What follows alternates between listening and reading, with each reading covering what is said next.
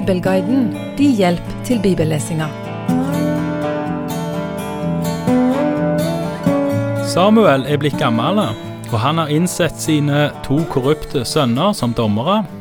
Og folket har benytta denne anledningen til å lansere et trolig ganske gammelt ønske, ønsket om en konge. Ønsket om å bytte teokrati med monarki. Samuel føler seg avsatt, men går i bønn med Gud og får beskjed om at det er Gud som er avsatt, og ikke Samuel. Som jeg sa sist, er dette en unik endring. Folket har aldri hatt en konge siden Abraham brøt ut ifra Ur. Gud gir beskjed gjennom Samuel om hvilke praktiske og andre konsekvenser denne endringen vil få for israelsfolket.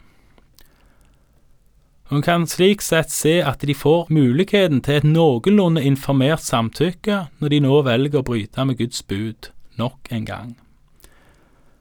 Samuel får beskjed om å finne folk en konge, og hvordan Gud peker ut Saul, og hvordan han blir salva til Israels første konge, går både over kapittel 9 og 10 i første Samuels bok. Vi begynner med Saul på jakt etter farens eselhopper, og vi leser ifra første Samuels bok kapittel 9 vers 1. Det var en mann av Benjamin som het Kis, sønn av Abiel, sønn av Seror, sønn av Bekorat, sønn av Afia, sønn av en benjamitt. Han var en mektig mann. Han hadde en sønn som het Saul, en ung og vakker mann. Det fantes ikke en mann blant Israels barn som var vakrere enn han. Han var et hode høyere enn alt folket. Legg merke til at det blir poengtert både hvor pen og hvor høy denne mannen var, og at faren var velstående. Alle ytre tegn på vellykkethet. Og kanskje han sånn sett minte israelsfolket om kongene til de omkringliggende folka. Uansett Fokuset på Sauls ytre utseende står i sterk kontrast til kallelsen av David. Der David var en liten gutt og ikke engang ble kalt inn av sin far når profeten Samuel kom på besøk. Kallelsen av David skal vi komme tilbake igjen til seinere. Men Saul, han var høy, han var vakker, og han var en mann som var på eseljakt, og vi leser videre fra vers tre. En dag kom det bort noen eselhopper for Kis, Sauls far. Da sa Kis til sin sønn Saul, Ta en av tjenesteguttene med deg og dra av sted og let etter eselhoppene.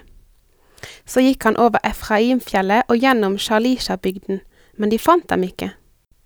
De dro så gjennom Shalim-bygden, men der var de ikke.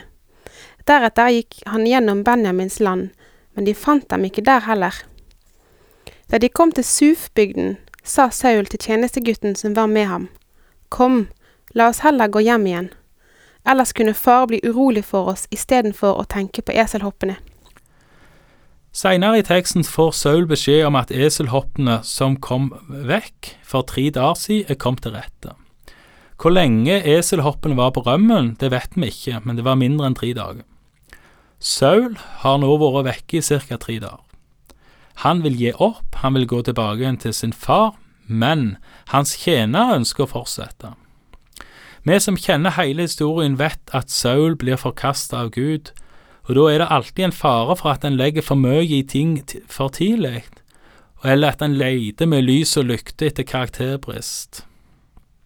Og for all del, hvem som helst kan vel tenke seg å snu etter en tredagers jakt etter esler, men likevel, det er interessant, synes jeg, å legge merke til at Saul vil snu, men tjeneren vil det annerledes. Vi leser videre fra vers seks. Men tjenestegutten svarte ham, I denne byen er det en Guds mann som det går stort ord om. Alt det han sier, slår til.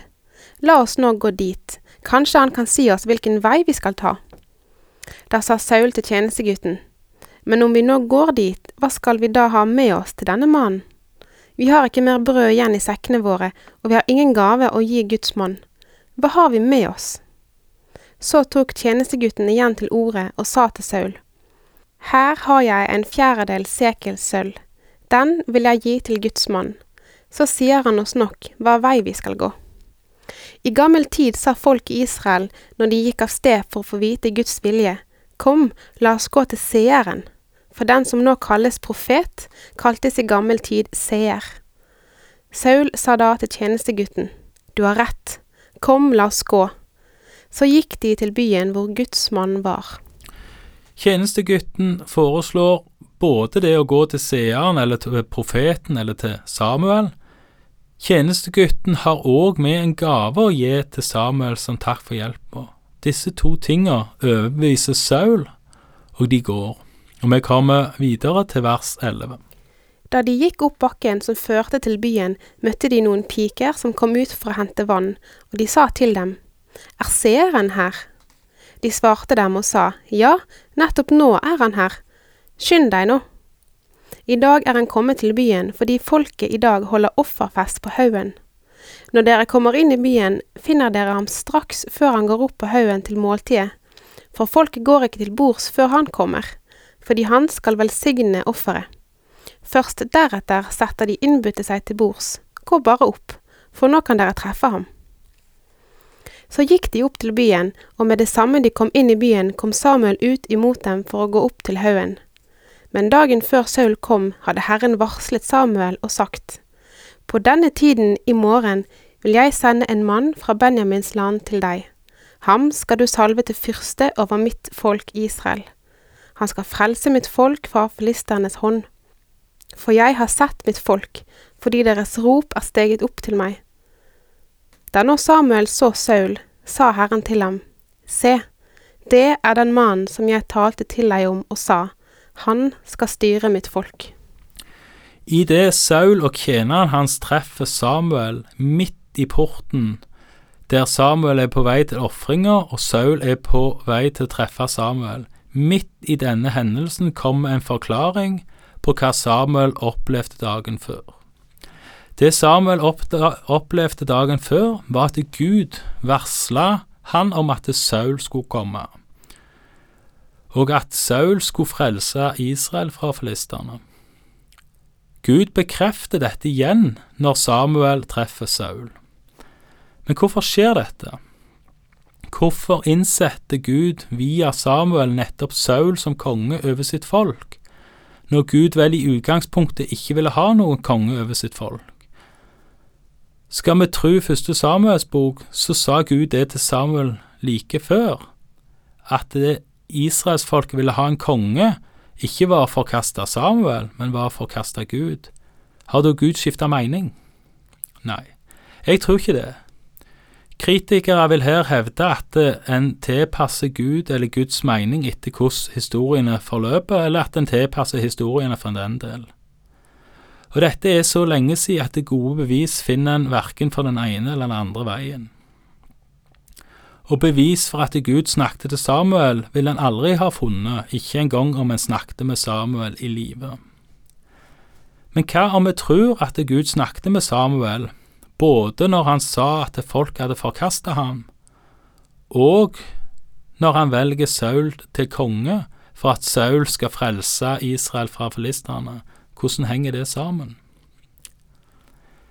Jeg tror ikke at Gud har ombestemt seg. Jeg tror at den beste løsningen hadde vært om Gud var konge for Israel. Men jeg tror at Gud ønsker å møte Israel der de er. Ikke der de kanskje burde ha vært, men der de faktisk er. Selv om de har havna der på grunn av feil veivalg. Og det kan jo glede oss òg i dag, selv om vi gjør feil og havner på steder i livet der det hadde vært bedre for oss å ikke være, så møter Gud oss der. Og han møter og gir oss det vi trenger, her vi er, her og nå. Tilbake til Samuel og Saul ifra vers 18. Så gikk Saul fram til Samuel midt i porten og sa, Si meg hvor seeren bor. Samuel svarte Saul og sa, Jeg er seeren. Gå foran meg opp haugen, der skal dere ete med meg i dag. I morgen tidlig, når jeg lar deg fare, skal jeg si deg alt det du tenker på. Og eselhoppene som kom bort for deg i dag for tre dager siden, dem skal du ikke være urolig for. De er funnet. Men hvem tilhører alt det beste i Israel, om ikke deg og hele din fars hus? Saul svarte og sa, Er jeg ikke en benjamitt? Hører jeg ikke til en av de minste blant stammene i Israel? Og er ikke min ett den ringeste av alle ætter i Benjamins stamme? Hvorfor taler du da slik til meg? Men Samuel tok Saul og tjenestegutten hans og førte dem til festsalen og lot dem sette seg øverst blant de innbudte. Det var omkring 30 mann. Og Samuel sa til den mannen som kokte maten, Kom hit med det stykket jeg ga deg, og sa du skulle legge til side. Da kom mannen fram med låret og fettet som var på det, og satte det foran Saul. Og Samuel sa, Se, her er det som var gjemt, satt fram for deg. Spis nå, for til denne stunden ble det gjemt for deg, den gang jeg sa jeg har innbudt folket. Så spiste Saul den dagen sammen med Samuel. Deretter gikk de ned fra haugen og inn i byen, og han satt og samtalte med Saul på taket. Tidlig på morgenen, med det samme det tok til å lysne av dag, kalte Samuel til seg Saul opp på taket og sa, Stå opp, så vil jeg følge deg på veien. Saul sto opp, og de gikk ut sammen, han og Samuel. Da de nå kom ned til utkanten av byen, sa Samuel til Saul, Si til tjenestegutten at han skal gå foran oss. Og han gikk. Men står du nå her, så vil jeg la deg høre hva Gud har sagt. Saul og tjeneren har truffet Samuel. De spiser sammen med folket, og Saul får det beste stykket mens han spiser oppe på offerhaugen. Eselhoppene kom til rette uten Sauls hjelp, og dagen etterpå ber Samuel Saul sende tjenestegutten foran, sånn at de to kan samtale om det Gud har sagt. Det får vi komme tilbake igjen til neste gang. Takk for i dag, og Herren være med deg.